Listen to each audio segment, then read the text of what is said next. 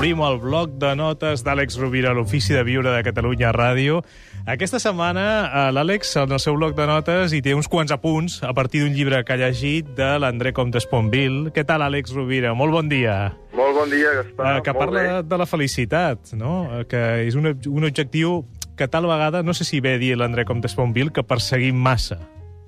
Sí, efectivament, l'André Comte Esponville és un dels filòsofs francesos de referència actualment i la lectura dels seus llibres l'hem recomanat moltes vegades en el bloc de notes de, de l'ofici, de viure.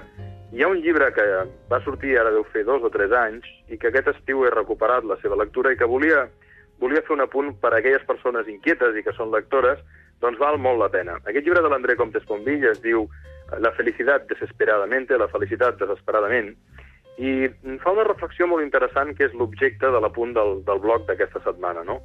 Comte Esponville diu que, segons el seu punt de vista, som menys feliços quan més esperem el futur. Sempre estem separats de la felicitat, diu ell, per la mateixa esperança que la persegueix.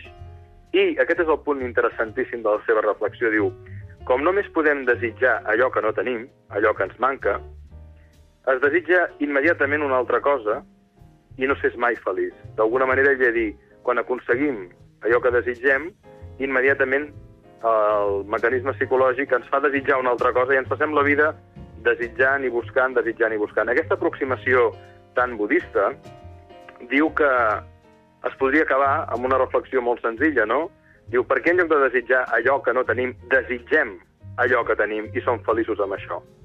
No des del conformisme, no? Però si hi ha plaer i alegria quan desitgem el que, el que no ens falta, el que tenim, la nostra feina, les situacions que ens envolten i que, i que valen la pena, quan dic la nostra feina em refereixo a si l'estimem i si té sentit, no? És a dir, deixem de fugir endavant, diu Comte Esponville, deixem de buscar desesperadament la felicitat i siguem feliços prenent consciència de les coses bones que ens envolten. Mm. Molt interessant, que no cal confondre-ho amb el conformisme. Ni amb la resignació, efectivament. Ell d'alguna manera ve a dir, obre els ulls a les coses boniques que t'envolten, a la gent, a la bona gent, a la gent bonica, a la bona gent que t'envolta, i deixa de refugiar-te en un futur, deixa de fugir endavant.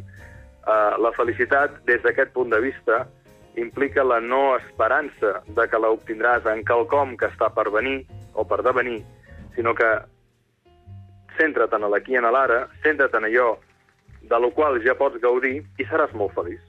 Està bé, doncs, fer aquest petit o gran canvi d'hàbits mentals, eh? que no sí, és és un fàcil. hàbit mental, exactament. Doncs l'Àlex Rovira, un llibre més que ens recomana de la seva biblioteca, d'André Comte Esponville. Qui l'ha publicat, Àlex? Mira, Comte Esponville està publicat per Paidós. Eh, hi ha molts llibres eh, d'aquest autor publicats per Paidós i eh, juraria que aquest, eh, efectivament, també està publicat per aquesta mateixa editorial. Sí, per Paidós. Àlex Rovira, moltes gràcies, que tinguis un bon diumenge. Fins la setmana que ve. Fins Molt bon dia. diumenge. Una abraçada. Una molt bon dia. abraçada.